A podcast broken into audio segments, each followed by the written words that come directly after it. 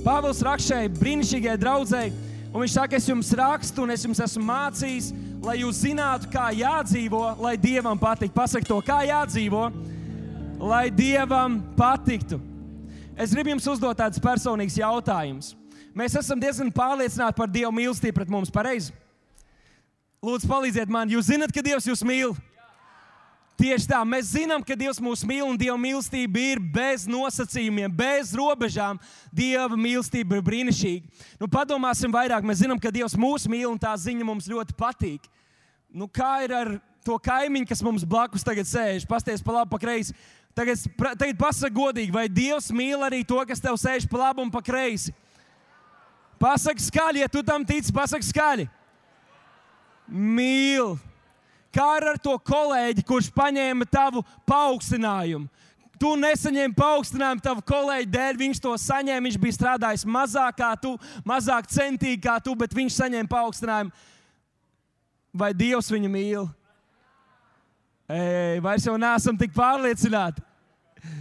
Bet kāds zināja pareizo atbildi? Pareizā atbildi ir jā, Dievs viņu mīl.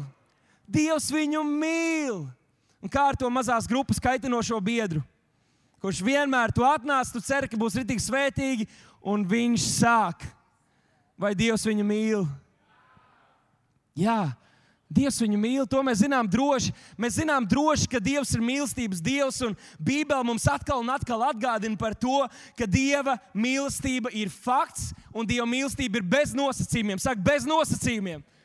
Nav nosacījumu, nav nekas, ko mums vajag izpildīt, ko mums vajag izdarīt, lai Dievs mūs mīlētu. Tā ir brīnišķīga vēsts. Tā ir brīnišķīga vēsts. Patiesībā nav nekas, ko mēs varētu izdarīt, lai Viņš mūs mīlētu mazāk, un nav nekas, ko mēs varam izdarīt, lai Viņš mūs mīlētu vairāk. Pats mums gribētos, lai mēs kaut kā varam nopelnīt Viņa mīlestību.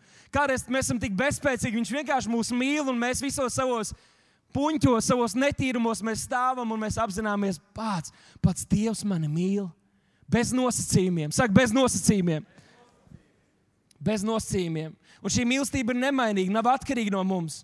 Un mums ir daudz lietiskie pierādījumi, pierādījumi šai Dieva mīlestībai pret mums. Piemēram, Jāņa 3.16. Es neskaidīšu visu, mēs to zinām, bet tiem, kas to nav dzirdējuši, sākumā ir rakstīts, ir jo tik ļoti Dievs pasauli mīlējis. Saki, mīlējis.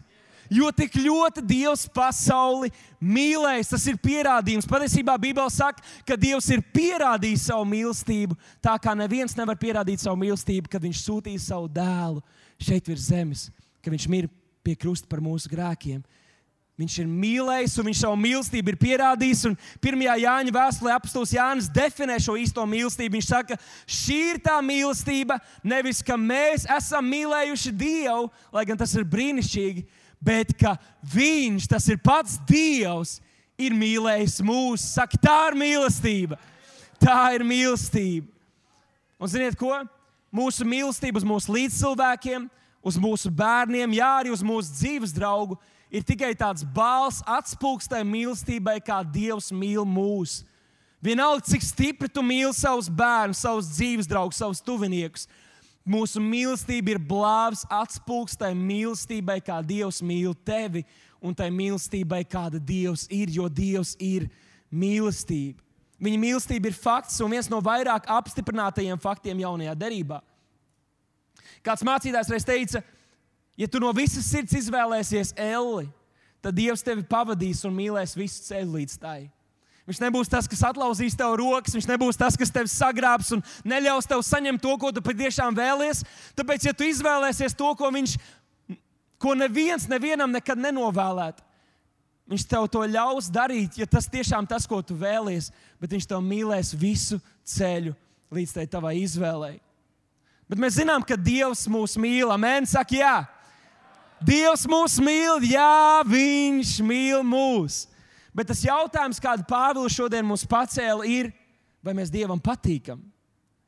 Mēs zinām, ka Viņš mūs mīl, un tas ir stipri apstiprināts Bībelē. Viņš mūs mīl, Viņš pasauli ir mīlējis, Viņš mūs tik ļoti ir mīlējis, mīlestība ir pierādījis. Bet vai mēs Viņam patīkam? Vai mūsu dzīves viņam patīk, vai mūsu dzīves sagādā viņam šo, šo prieku, vai tās ir patīkamas viņam? Mēs kādreiz tik ļoti uzsveram to, ka Viņš mūs ir mīlējis, ka mēs aizmirstam par to, ka ir svarīgi, lai mēs dzīvojam tā, ka tas Viņam ir patīkami. Un šis otrā patiesība ir tā, ka Dieva patika ir mainīgais šajā stāstā. Dieva patika ir mainīgais. Kāds varētu teikt, pagaidi, pagaidi, nu cik tas Dievs var mainīt domas? Tad es viņam patīku, tad vairāk nē, tad viņam patīk mana dzīve, nākamajā brīdī nē, bet ne par to šeit Pāvils runā. Mēs pēc brīža to sapratīsim. Tas, kas viņam patīk, ir ļoti stingri mums pastāstīts, korekti pastāstīts Bībelē. Ļoti skaidri ir definēta, kāda ir viņa griba, kas ir tas, ko viņš sagaida, kāds viņš ir. Un tādēļ, kad mēs dzīvojam saskaņā ar viņa vārdu, mēs varam izpatikt viņam. Bet, kad mēs rīkojamies pēc miesas, kad mēs rīkojamies pēc saviem miesīgajiem ieradumiem, tad mūsu dzīves ir tādas, kas neiepriecina Dievu. Dievs mīl visus cilvēkus, un to mēs labi zinām. Viņš vēlas, lai visi nāktu pie grēka nožēlas un saņemtu glābšanas dāvanu, bet mēs atkal un atkal Bībelē lasām, tādi un tādi tie un tie neiemantos Dieva valstību. Dievs tik ļoti mīl visus cilvēkus, bet ir daudzi, varbūt arī mūsu starpā, varbūt apkārt pasaulē, kuri neiemantos Dieva valstību. Es lasu 1. korintiešiem, vēstu, 1. Eh, korintiešiem 6,9 ir rakstīts, ne netikli, ne elku kalpi, ne laulības pārkāpēji, ne malaki, ne vīriešu piegulētāji, ne zagļi, ne mantrauši, ne dzērāji, ne zaimotāji, ne laupītāji neiemantos Dieva valstību. Neiemantos Dieva valstību. Kāpēc? Dievs viņus tik ļoti ir mīlējis, bet viņi nav atsaukušies Dieva mīlestībai, un viņas dzīves nav patīkamas Dievam. Varbūt esat lasījuši apakstu darbos, kur apakstu raksta, un viņi saka to cilvēkiem, acīs skatoties, viņi saka, vai tad mums cilvēkiem vai Dievam izpatikt?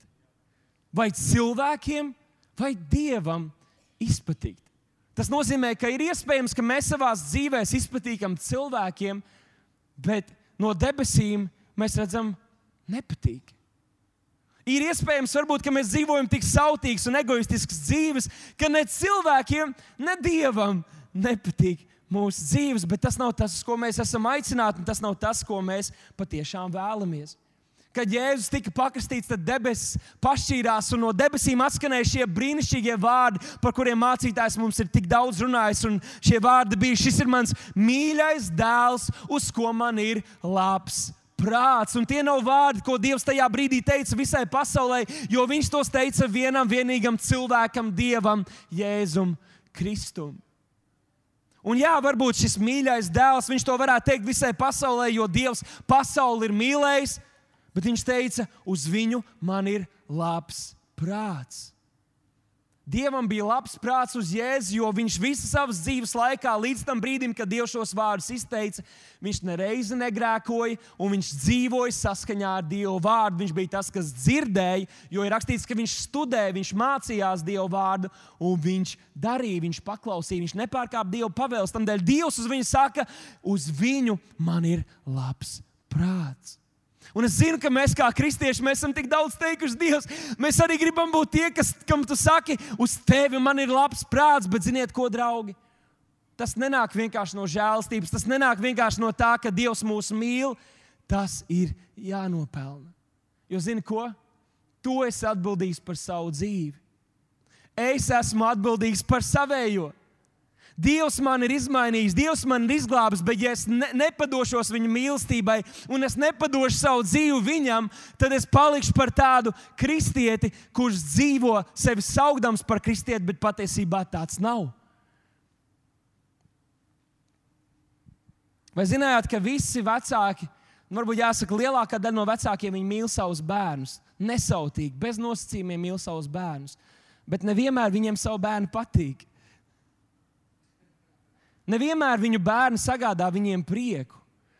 Es zinu, pats savā dzīvē, un es laikam vairāk kārtas tos atsaucies, bet es zinu, ka mani vecāki vienmēr man ir, man ir mīlējuši bez nosacījumiem, nesautīgi. Cik vien, vien cilvēki var mīlēt, man ir mīlējuši, bet bija daudz situācijas manā dzīvē, un varbūt pat vēl aizvien kādreiz ir, kad tas, kā es rīkojos, vai varbūt mana attieksme, varbūt kaut kādas lietas, ko es esmu darījis, nav, bijis, nav bijušas tādas, kas ir iepriecinājušas manus vecākus, vai pat arī citus cilvēkus, kas varbūt man ir mīlējuši. Un līdzīgi tas var būt arī ar Dievu. Kad viņiem bija grūti atrast iemeslus, lai, lai es viņiem patiktu, lai gan viņi man mīlēja. Pāvils Efeziešu vēstulē, 5. nodaļā, saka šādus vārdus, un šis ir mēsīčs tulkojums. Viņš saka, izsecini vai atklāji, kas Kristum patīk, un dari to. Saki, dari to! Izsecini, atklāji, kas ir tas, kas Kristum patīk, un tad dari to. Tad ir kaut kas, kas Dievam patīk, un ir kaut kas, kas viņam nepatīk. Viņš saka, tad, kad tu esi atklājis, kad tu esi sapratis, kas ir tas patiesības ceļš, kas Dievam ir patīkams, tad ej pa to ceļu un baudi to, cik Dievs ir labs. Jo vai tad mēs cilvēkiem vai Dievam gribam izpatikt? Salamans rakstīja savā vēstulēs, viņš rakstīja šādas briesmīgas lietas. šādas briesmīgas lietas, un es gribētu, lai jūs lasat kopā ar mani. Viņš raksta, šīs sešas lietas tas kungs ienīst, un septītā viņam ir negantība. Tātad Dievs mīl, Dievs ir mīlestība, bet ir kādas lietas, ko viņš ienīst. Vai varētu teikt, ļoti, ļoti nepatīk. Un septītā viņam ir negantība. Izlasiet kopā ar mani. Augstprātīgas acis, melīga mēlē, rokas, kuras izlēja nevainīgas asinis, sirds, kas staigā apkārt ar ļaunu viltu sevī, kājas, kas ir raitas, lai nodarītu citam ļaunu, viltīgs liecinieks, kurš nekaunīgi runā melus, un tas, kurš rada nesaskaņas brāļu starpā. Šajos pagājušajos dievkalpojumos mācītājs ir ļoti, ļoti specifiski runājis par vairākām no šīm lietām, kuras Salamans minēja jau vecajā derībā. Bet redziet, viņš saka, ka negantība pats sliktākais, ko mēs varam darīt, kas Dieva acīs ir, nu, to nu gan nevar, un tas ir tas, tie ir tie, kas rada nesaskaņas brāļu un māsu starpā. Draugi, mums ir jāsaprot, ka izmainīta dzīve ir Dieva mīlestības pieņemšanas apliecinājums. Tas, ka mūsu dzīvē notiek pārmaiņas, tas, ka mēs piedzīvojam pārmaiņas savā dzīvē, tas ir apliecinājums tam, ka mēs esam pieņēmuši Dieva mīlestību. Draugi, Nepietiek ar to, ka mēs ticam, ka Dievs ir mīlestība un ticam, ka Viņš mūs ir mīlējis. Daudzi tic, ka Dievs ir mīlestība. Mēs parunājam uz ielās ar cilvēkiem. Daudzi pat nezina, kāds ir Dieva vārds, nezina, kas ir Jēzus Kristus. Bet viņi tev mācīs pateikt to, ka Dievs ir mīlestība un tu labāk netiesā mūs. Nepietiek ar to, ka mēs zinām, ka Dievs ir mīlestība. Ir svarīgi, lai šī mīlestība kaut ko izdara mūsos, un tā ir izmainīta dzīve. Tā ir izmainīta dzīve. Mūsu mācītājs teikt, tas ir jauns radījums. Vai arī Pāvils tas bija? Izmainīta dzīve, saka, izmainīta dzīve, izmainīta dzīve, izmainīta dzīve. Dievs ir brīnišķīgs, un Viņš ir tas, kas darbojas mūsos. Nepietiek ar to, ka Dievs mūs mīl. Ir miljoniem cilvēku, kurus Dievs mīl, tomēr tie aiziet pazušanā. Dievs, mīl, Dievs mūs mīl neatkarīgi no mums, bet tas, vai mēs Dievam ir, esam patīkami, ir atkarīgs no mums. Mums ir kontrole un vara pār mūsu dzīvi, un ja Jēzus ir tavs kungs, pierādi to. Es to saku sev. Ja Jēzus ir tavs kungs, pierādi to. Tas nav svētdienas dievkalpojums. Mēs nekur zīmogus neuzstancējam uz rokām tiem, kas apmeklē, lai varētu pa nedēļu parādīt, es esmu kristietis. Vai mūsu dzīve parāda, ka mēs esam Kristus sekotāji? Mācītājs kādu dienu teica, ka, ka tādam kristietim, kurš sevi sauc par kristieti, būtu jābūt pietiekami daudz pierādījumiem viņa dzīvē, ka, ja gadījumā kāds viņu gribētu tiesā apsūdzēt, ka viņš ir kristietis, ka viņiem būtu pierādījumi. Ja Jēzus ir tavs kungs, parādi to. Ja tu patiesi tici, ka Dievs tevi ir mīlējis un savu dēlu devis, lai tu būtu glābts, un, un tu esi devis savu dzīvi Jēzum, tu dzīvo saskaņā ar viņa vārdu un viņa pilnīgo gribu, un tu būsi patīkams, un tava dzīve būs patīkama tam kungam. Un tā ir labā ziņa. Draugi, arī laulībā var, var sagadīties tā, ka viens otru it kā vēl aizvien mīl, bet viens otram vairs nepatīk. Jūs varbūt arī esat redzējuši vai pazīstat kādus tādus, un tas ir smags darbs. To ir jāsaglabā šo asumiņu, šo pikantumiņu attiecībās, lai mēs patiešām viens otram patīkam, mēs viens otram gribam izpatikt, lai mēs aizvien vairāk viens otrā iemīlamies. Un es kā jauns vīrs varu teikt, mēs strādājam pie tā, bet es gribētu, lai mēs aizvien vairāk un vairāk iepatīkamies viens otram. Ka mēs ar sievu kādreiz redzam kādus sirmus pārus, un daudz no tādiem ir arī šeit mūsu vidū. Kad tu redzi, ka šie, šis, ši, ši, ši, ši, ši, šie laulātie savā sirmā vecumā vēl aizvien izrāda viens otram simpātijas, arī publiski. Un Alans uzsvēra, ka ir svarīgi parādīt mīlestību arī publiski, ne tikai mājās. Un, es pat atļautos teikt, arī flirtē nedaudz. Vai izrāda savu pieķeršanos, tas ir burvīgi. Tas vienkārši aizskar mūsu sirdis, tas iedrošina un dod ticību patiesai mīlestībai līdz galam, līdz nāvi mūs šķirs. Bet viņi to dara tāpēc, ka viņi viens otram patīk. Viņi patīk viens otram, viņiem patīk viena otra klātbūtne. Viņi necenšas bēgt prom viens no otra. Viņi izdzīvo savu laulību. Viņi, ne tikai, viņi nevis izdzīvo savu laulību, bet izbauda to. Amen. Cik daudz laulātie negrib tikai izdzīvot, bet izbaudīt savu laulību. Amen. Līdz nāvei mūs šķirs. Mēs nesen ar sieviņu pastaigājāmies gar vienu pludmali, un tur bija viesnīcas gar to pludmali, un mēs gājām. Un, uh, mēs paskatījāmies nejauši uz kādu skaistu viesnīcu, un tur trešajā stāvā uz balkona, uz kādu tādu šūpuļkrēslu bija izmeties kāds sirds kungs. No attāluma nevarēja īsti neko saskatīt, vispār viņu bija grūti redzēt, jo viņam virsū bija uzmetusies viņa mīļotā, arī sirbā dāma, viņu apcerot viņam klēpī. Un mēs tā kā gājām garām un uh, pamanījām to, mēs tā mazliet pasmaidījām. Uh, tad devāmies tālāk, apskatījām šo un to, un pēc kāda krietna laika mēs devāmies atpakaļ.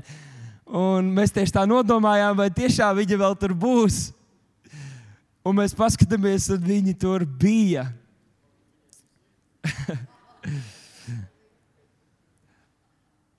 no vienas puses, kā var pasmieties, no otras puses, mēs tā nodomājām, ka mēs vēlētos būt tādi samīlējušies pensionāri kādu dienu. Nu, tā, kad citi skatās un vienkārši apskauž, kā var tā mīlēt viens otru. Un tā Dievs mūs ir mīlējis. Mēs lasām tālāk, tātad 1. Thessaloniķiešiem 4. nodaļa, no 2. panta. Nešķiriet ciet to raksturvietu, mēs tur būsim, mēs apskatīsim līdz 12. pantam. Otrais pants saka, jūs zināt, kādus aizrādījumus mēs jums esam devuši kungu Jēzus uzdevumā. Jo tāda ir Dieva griba, un tagad lasām kopā, lai jūsu dzīve būtu svēta. Pasakām vēlreiz, lai dzīve būtu kāda svēta, lai dzīve būtu svēta. Viņš saka, es jums gribu mācīt, kā jādzīvo, lai dievam patiktu, bet pirms viņš specifiski runā par kādiem punktiem un konkrētām lietām, viņš izdara kopsavilkumu. Viņš saka, Dieva, Dievs grib, lai jūs dzīvojat priekš viņa tādā veidā, kas ir svēts, svēta dzīve. Un svēta runā par procesu un stāvokli. Svēts ir process un stāvoklis. Tā ir svēta tapšana. Pasaka, svēta tapšana. Kad mēs topam svēti. Jo Dieva griba ir mūsu svētāpšana vai tīrīšana. Neviens no mums neesam pilnīgi, bet ja mēs esam darbs procesā, kur dzīvēs Dievs darbojas un maina mūsu savā līdzībā, mēs esam viņam patīkami. Varbūt, ka nebūs neviens brīdis mūsu dzīvē, kad mēs varēsim teikt, jā, mēs esam to sasnieguši. Es esmu pilnīgi tāds, kāds Dievs ir savā mīsīgajā sevī. Bet, ja mēs ļaujamies, lai Viņš darbojas pie mums, tā ir svēta apšana, un tas ir tas, ko Dievs sagaida no mums, un tā ir Dieva griba pāri visam, pāri visiem specifiskiem punktiem, par kuriem mēs varam runāt. Jo tas ir Viņa nodoms, veidot un mainīt mūsu savu dēlu līdzībā. Romiešiem 6,22 pierakstiet, Romiešiem 6,22. Pāvils dod kādu brīnišķīgu apsolījumu. Viņš saka, bet tagad, kad jūs esat atsvabināti no grēka, cik daudz ir atsvabināti no grēka? Halleluja, mēs esam atsvabināti, mēs esam brīvi no grēka un esat kļuvuši par dieva kalpiem. Viņš saka, jūsu ieguvums ir kas? Svētāpšana. Mūsu ieguvums ir svētāpšana, un kas pēc tam būs līdz pat tās gals, ir mūžīgā dzīvība. Mūsu ieguvums, saka, ieguvums. Tas ir ieguvums, kad Viņš darbojas pie mums. Tas ir ieguvums, kad Viņš maina mūs savā līdzībā. Tas ir ieguvums, ieguvums kad mēs tiekam darīti brīvi no grēka, jo svēta dzīve, dzīve ir spēka dzīve. Saka, svēta dzīve ir spēka dzīve. Mēs nevaram lietot Dieva spēku, ja mēs nedzīvojam svēti. Bībelē rakstīts, ir, ka bez svētas dzīves neviens Dievu neredzēs. Dievs teica, esiet svēti, kā es esmu svēts. Varbūt, mūsu vidū ir kāds, un tu esi lasījis Bībeli, un tu redzi apsolījumus, tu redzi autoritāti, tu redzi spēku, un tu to gribi lietot savā dzīvē, bet tu neredzi, ka tas strādā. Vai tava dzīve ir svēta, vai tu esi padevies Dievam? Jo tikai tad, kad mēs padodamies Dievam, mēs varam stāties pretīm vēlnam. Ja mēs uzliekam uz savu kraklu lielu krustu, vai visiem sakam, ka esam kristieši, bet neesam padevušies Dievam, tad tā autoritāte un vara, ko Viņš savējiem ir devis, tā nepieder mums. Svēta dzīve. Tas ir tas, kam Dievs mūs ir aicinājis dzīvot svētu dzīvi. Dieva grib mūsu dzīvēm ir šī svēta apšana, un tad Pāvils šajā pat nodaļā uzskaita trīs punktus, praktiski, ko nozīmē dzīvot svētu dzīvi. Un šodien es gribu, lai mēs īsi apskatām tikai nu, tos trīs punktus. Un pirmais no tiem ir, un es gribētu, lai mēs to kopīgi pasakām, pirmais punkts ir atturies no netiklības. Saki, atturies no netiklības. Es ceru, ka mēs esam sajūsminātāki par šo, jo tā ir labā ziņa. Tas ir brīnišķīgi, tā ir labā ziņa. Mēs varam, mēs drīkstam, mums ir spēks atturēties no visāda veida netiklības. Atturēties nozīmē turēties tālu vai atteikties, turēties tālu vai atteikties. Un lasot šo raksturvietu, iedomājos, ka mums arī bieži dzīvē ir tādas situācijas, kad mēs kaut kur ejam ikdienā, un tad mēs kaut ko pamanām, ko mums nevajadzēja redzēt, un mēs ātri aizgriežamies. Nu, piemēram, šajā stāstā ar Esteri. Ja tur uz tā balkona būtu kaut kas drusku, drusku vairāk, mums nevajadzētu skatīties otro reizi. Ir, ir brīži, kad mēs kaut kur ieskrienam, kādā situācijā kaut ko redzam, kad mēs uzreiz aizgriežamies, jo mēs saprotam, ka mēs to negribam redzēt, vai mums to nevajag redzēt. Un man jāpasaka kādiem puišiem šeit zīme, kā, kāds iedrošinošs vārds. Mēs esam vizuāli cilvēki. Varbūt tu esi precējies, varbūt tu neesi. Mēs visi redzam skaistas mašīnas un skaistas sievietes. Īpaši tad, kad viņas vēlas, lai mēs pamanām kādas noteiktas daļas. Mēs pamanīsim tās, bet mums ir izvēle, vai mēs paskatīsimies otro reizi. Puisši, mums ir pilnīga kontrole zinu, ka tas ir kā uz jauniem, tā uz vecākiem vīriem. Mēs pamanām lietas, bet mēs izvēlamies, vai mēs paskatīsimies otro reizi. Es, es pamanu skaistu mašīnu, bet vai es atskatīšos, tā ir mana izvēle. Tā ir mana izvēle. Un tev ir vara un kontrole pār savām acīm, pār savām domām, lai pat tad, ja tu kaut ko redzi, tu skaties uz otru pusi. Un tā ir atturēšanās no netiklības. Netiklība grieķu valodas, šis grieķu valodas vārds, kas apzīmē netiklību, ir porneja. Porneja. Saki, porneja. Beidziet, jūs varat būt sajūsminātāki. Mēs draudzē varam teikt šādus vārdus šodien. Tas Bībelē rakstīts porneja. Un jūs droši vien varat nojaust, kur izcēlies vārds pornogrāfija vai porņika un tam līdzīgas lietas. Tā ir tieši no vārda netiklība. Netiklība, porneja. Un šis vārds sevi ietver seksu ārpus laulības, seksu ar savu, dzi, ar savu dzimumu pārstāvu, seksu ar dzīvniekiem, ar tuviniekiem, seksu ar šķirteņiem un augdievību pielūgšanu. Elgdievība pielūšana, kad mums ir kāds augs, ko mēs paaugstinām pār dievam mūsu dzīvē, mēs nodarbojamies ar porneja. Porneja. Un tas nav tas, ko Dievs mums ir paredzējis, jo elgdievība pielūgšana ir garīga prostitūcija.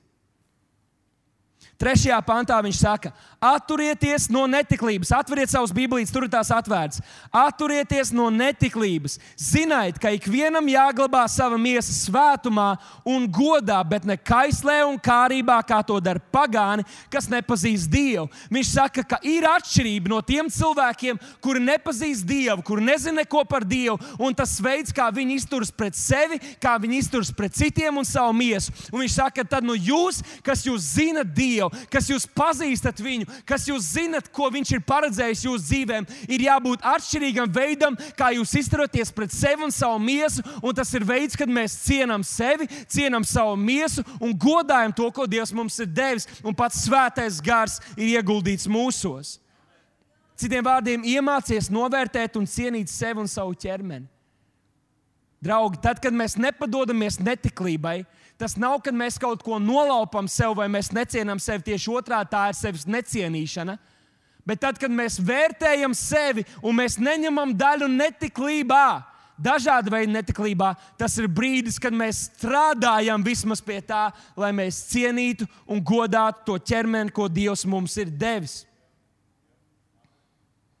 Ir fiziska netiklība, mācītājs runāja par uh, desmit baušļiem, par garīgiem likumiem. Fiziska netiklība, tā to nebūs laulība, pārkāpuma. Dažādos citos veidos mēs varam fiziski piekopt netiklību. Ir morāla netiklība arī no baušļiem. Tev nebūs nepatiesa liecība dot, tev nebūs iekārot savu tuvāko morāli, kad mēs darbojamies pretēji tai taisnējai morālei, ko Dievs ir kā standarta ielicis visu cilvēku sirdīs. Un tas ir viens no jautājumiem un problēmām, kuru visi ateisti un agnostiķi nevar, nevar paskaidrot, kāpēc mums, kas esam nejauši radušies no kaut kādām šūnām, kamdēļ mums visiem ir šī morāla mūsos, kuru mēs nevaram pārkāpt.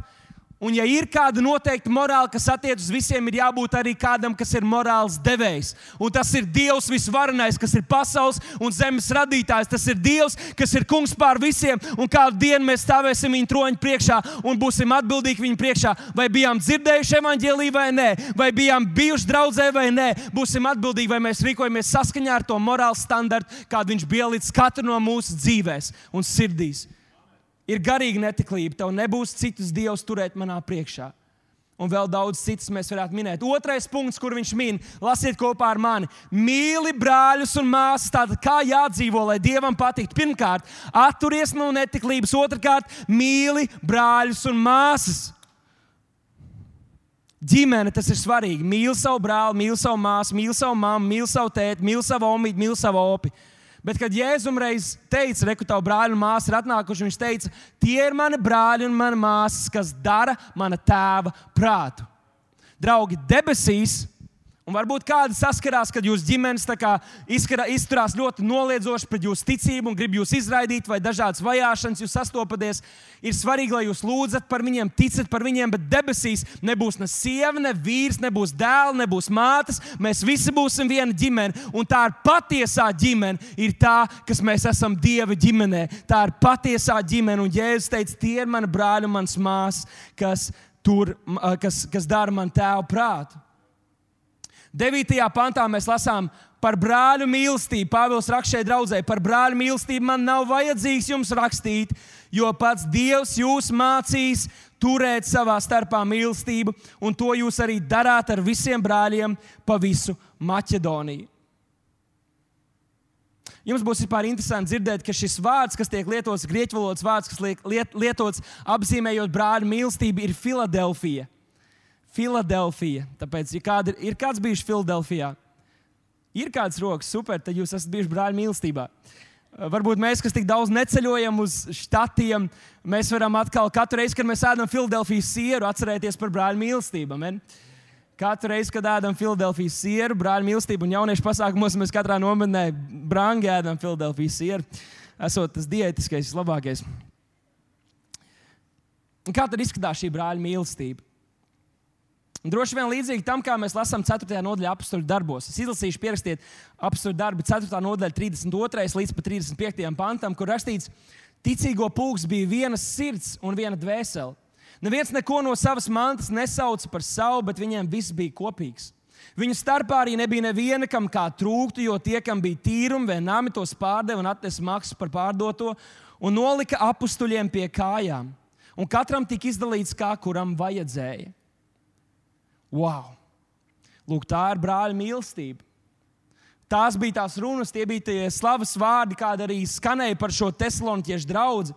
Un viņi tik ļoti dedzīgi kalpoja viens otram, ka tiem, kam bija daudz, tie daudz deva citiem, ka Pāvēlam nācās viņam rakstīt šos vārdus. Un tagad mēs atgriežamies pie 6. panta. 6. pantā viņš rakstīja, nevienam nebūs savam brālim pāri darīt vai to izmantot kādā lietā Jo tas kungs ir atriebējis visīs šīs lietās, kā mēs jums to jau agrāk esam teikuši un apliecinājuši. Un tagad lasiet kopā ar mani, jo Dievs mūs nav aicinājis nešķīstībai, bet es jūs nedzirdēju, bet Tātad, kas to nicina? Kas nicina to savu cilvēku? Vai tas būtu nabaks, vai tas būtu bagāts un ļoti turīgs cilvēks? Kas to nicina? Tas nenicina to cilvēku, bet ko nicina? Bet Dievu, to pašu, kas jums sirdīs, devis savu svēto garu. Nevienam nevajadzētu justies, un neviens nedrīkst tev likt justies, ka tu esi personīgi atbildīgs par kādu citu cilvēku labklājību vai viņu uzturēšanu. Saki, Āmen. Varbūt Varbūt tikai tavu bērnu var tā likt justies kādu brīdi. Bet pārējie tā ir Dieva atbildība un tā ir viņa personīga atbildība. Ja Dievs tevi īpaši neuzrunā un nemudina kaut ko darīt, tad varbūt tev tas nav jādara. Bet, ja Dievs tev uzrunā, tad dari to, dalies ar saviem līdzcilvēkiem, bet raugies, lai tevi neviens neizmanto. Jo daudziem ticīgajiem ar labām sirdīm ir viegls upuris tādiem cilvēkiem, kas nāk, lai izmantotu un paši negrib strādāt. Tas, ka kāds saka, ka tev ir jādod nauda un Dievs vai kādu mantu, un Dievs viņiem to ir teicis, tas nenozīmē, ka tev tas ir jādara. Saka šim cilvēkam, man ir prieks, ka tu redzi manī tādu potenciālu, un ka es esmu tik turīgs un izskatos tik bagāts. Bet lūdzu, aizej un pasaki savam Dievam, lai viņš atnāk pie manis un pasaki man personīgi, un tad mēs skatīsimies, kā es rīkošos tālāk. Mums kā laika atpakaļ draudzē ieradās kāds pāris, viņi, uh, no ārzemēm viņi bija tādi sveši un, un atšķirīgi no mūsu vidus, pēc dievkalpojuma viņi pienāk un saka, mēs gribam runāt ar, ar, ar mācītājiem, mēs gribam runāt kādā vientuļākā vietā. Mums tieši bija sadraudzības laiks draudzēji. Un es saku, varbūt runājam tepat, mums nav nekāda noslēpuma. Draudzes, šī ir brīnišķīga vieta. Viņi saka, mēs negribam tādā troksnī apbēdināt garu. Un saka, nē, svētais gars ļoti labi jūtas šeit, šādā brīnišķīgā vietā, kur visi ticīgie brāļi. Un tad, kad viņi bija nonākuši kādā uh, vientuļākā vietā, viņi teica, Dievs mūs ir atsūtījis, mēs tālu ceļu esam braukuši līdz šejienei, lai jūs mums iedot tik un tik daudz naudas.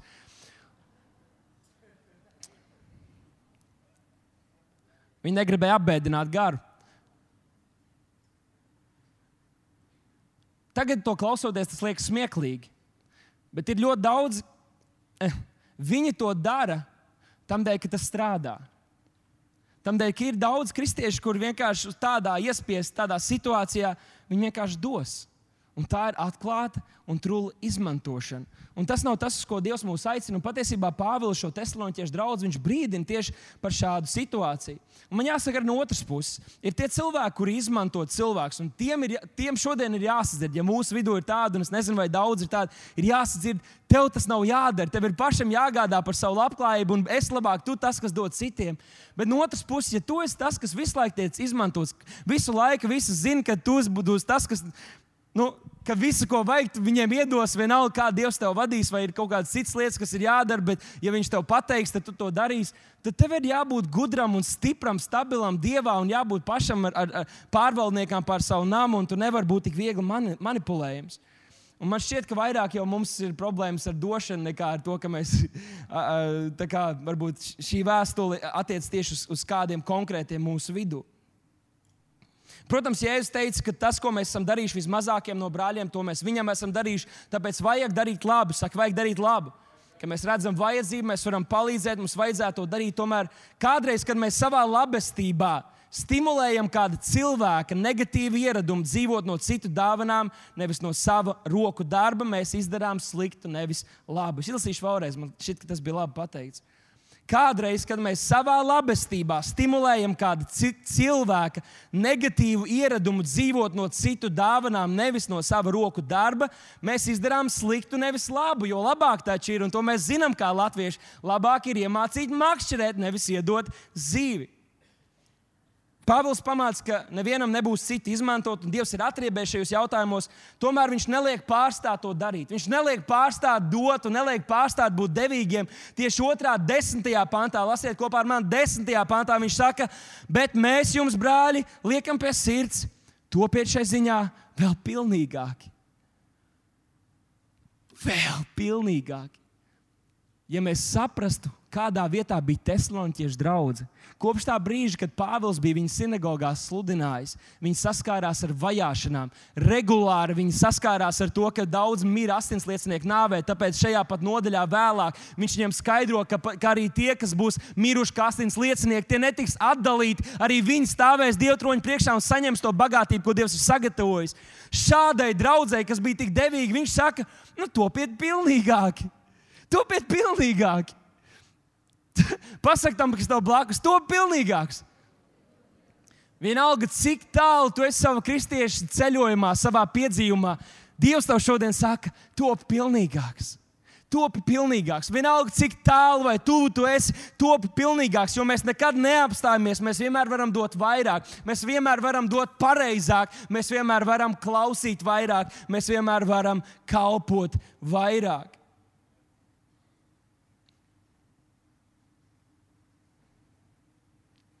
Un šis trešais punkts, ko viņš šajā vēstulē mums saka, ir, kas man patīk vislabāk. Un es zinu, ka daudziem tagad ir atvaļinājums, tāpēc, lai tā ir jūsu ceļamais līdz tai dienai, kad jūs atgriezīsieties darbā. Viņš būtībā saka, un es gribu, lai to pasakām pavisam skaļi, ticībā ar prieku. Ej uz darbu un strādā! Pateiksim vēlreiz, jūs redzat, ka jums šis patīk. Ej uz darbu un strādā! Paga, paga, paga, paga! paga. Dievs mūs mīl, Jēzus mūs ir izglābis, Jēzus drīz nāks atpakaļ. Kāds vēl darbs, gatavojamies balītē debesīs, bet Pāvils saka pavisam kaut ko citu. Viņš saka, turiet to par lielu godu, klusi dzīvojot, darīt savu darbu un strādāt savām rokām, kā mēs jums to iepriekš esam piegodinājuši. Tā nebija pirmā reize, kad viņš jums to saka. Lai jūsu dzīve būtu nevainojama arī pret tiem, kas ir ārpusē, un jums ne pie viena nebūtu jāgriežas savās vajadzībās. Mēs ar stulkojumu šo raksturvietu sakām tā: saglabā mieru, dari, kas tev jādara, parūpējies par saviem pienākumiem. Es gribu, lai dzīvojat veidā, kas pieprasīs cieņu no tiem, kas ir ārā, tātad, kas nav brāļi un māsas draudzē, un nevis lai jūs vienkārši notriecat laiku ar saviem draugiem. Kad jāiet uz darbu, ir jāiet uz darbu. Amen. Pāvils neteica, lai viņi pamet darbus un gaida Kristus atnākšanu, un neiedrošināja viņus būt slinkiem. Man tēvs jau kopš bērnības ir teicis, ka slinkums ir nāves grēks. Un neiedrošināja būt slinkiem un cerēt uz brīnumiem un dāvanām. Viņš teica, ejiet uz darbu un strādājiet un pelniet savu iztiku. Un esiet tur par gaismu tajā vietā, kur jūs būsiet. Bābels teica, lai mēs uzskatām to par godu, par prieku, ka mēs Kristus sekotāji varam iet uz darbu un pelnīt sev iztiku. Vienalga, vai tu strādā savā personīgajā uzņēmumā, valsts institūcijās, kādā, kādā citā lielākā, mazākā uzņēmumā, varbūt tu esi skola, varbūt tu vēl mācies, varbūt tu strādā draudzē. Vienalga, kas ir tavs darbs, Dievs saka, ej un esi labākais tur, ej un strādā no visas sirds, ej un vienkārši esi tāds darbinieks, kur tas darba devējs negrib atlaist, kuru viņš grib paaugstināt. Kaut arī viņam nav vietas, viņš grib tevi paaugstināt. Varbūt ne algu, bet nu, paaugstinājumu. Tā kā tu vari būt direktors vai kaut kas tāds.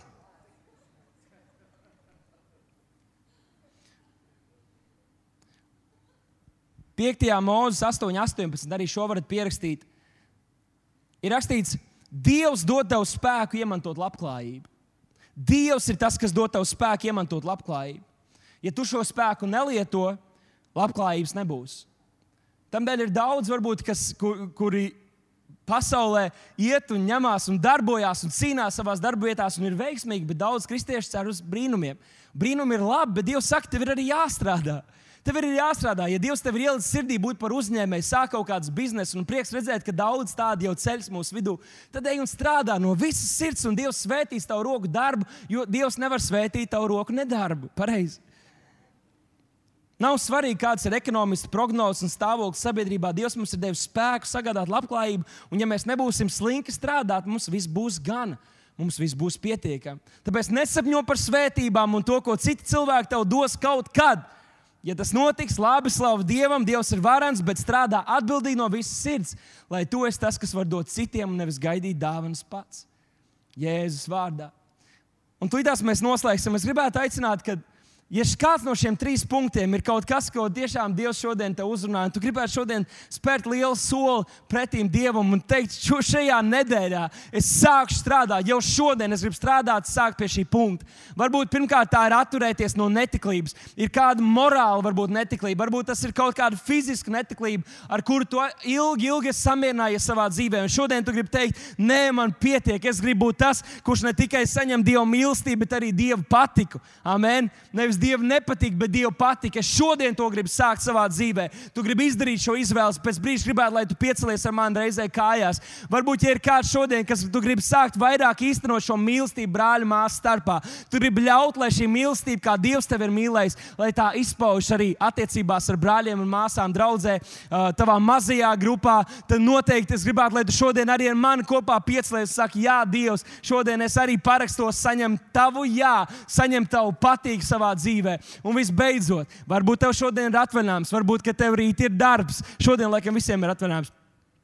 Bet varbūt tev rīt ir darbs, varbūt pēc nedēļas, varbūt pēc mēneša, un tu gribi teikt, bāc, es tajā darbā esmu bijis slinkotājs, esmu bijis tāds, kā ka bieži saka par to pleksti. Es esmu bijis tāda pleksti, un es nekaunos to atzīt. Ja? Tu vari piecelties un teikt, jā, es saku, es iešu uz to darbu, un lai gan man kādi kolēģi nepatīk, un kaut kas man neapmierina, es strādāšu no visas sirds un ticēšu, ka Dievs mani ved uz vēl zaļākām ganībām. Tā kā es skaitīšu līdz trīs, un tie, kas tiešām šodien jūs gribat spērt šādu soli kādā no šiem trim punktiem, mēs piecelsimies kājās. Tātad tu saņemies tagad savā sirdī, paņem savu apņemšanos, savu spēku, savu raksturu un saki, Jā, Dievs, es to gribu šodien.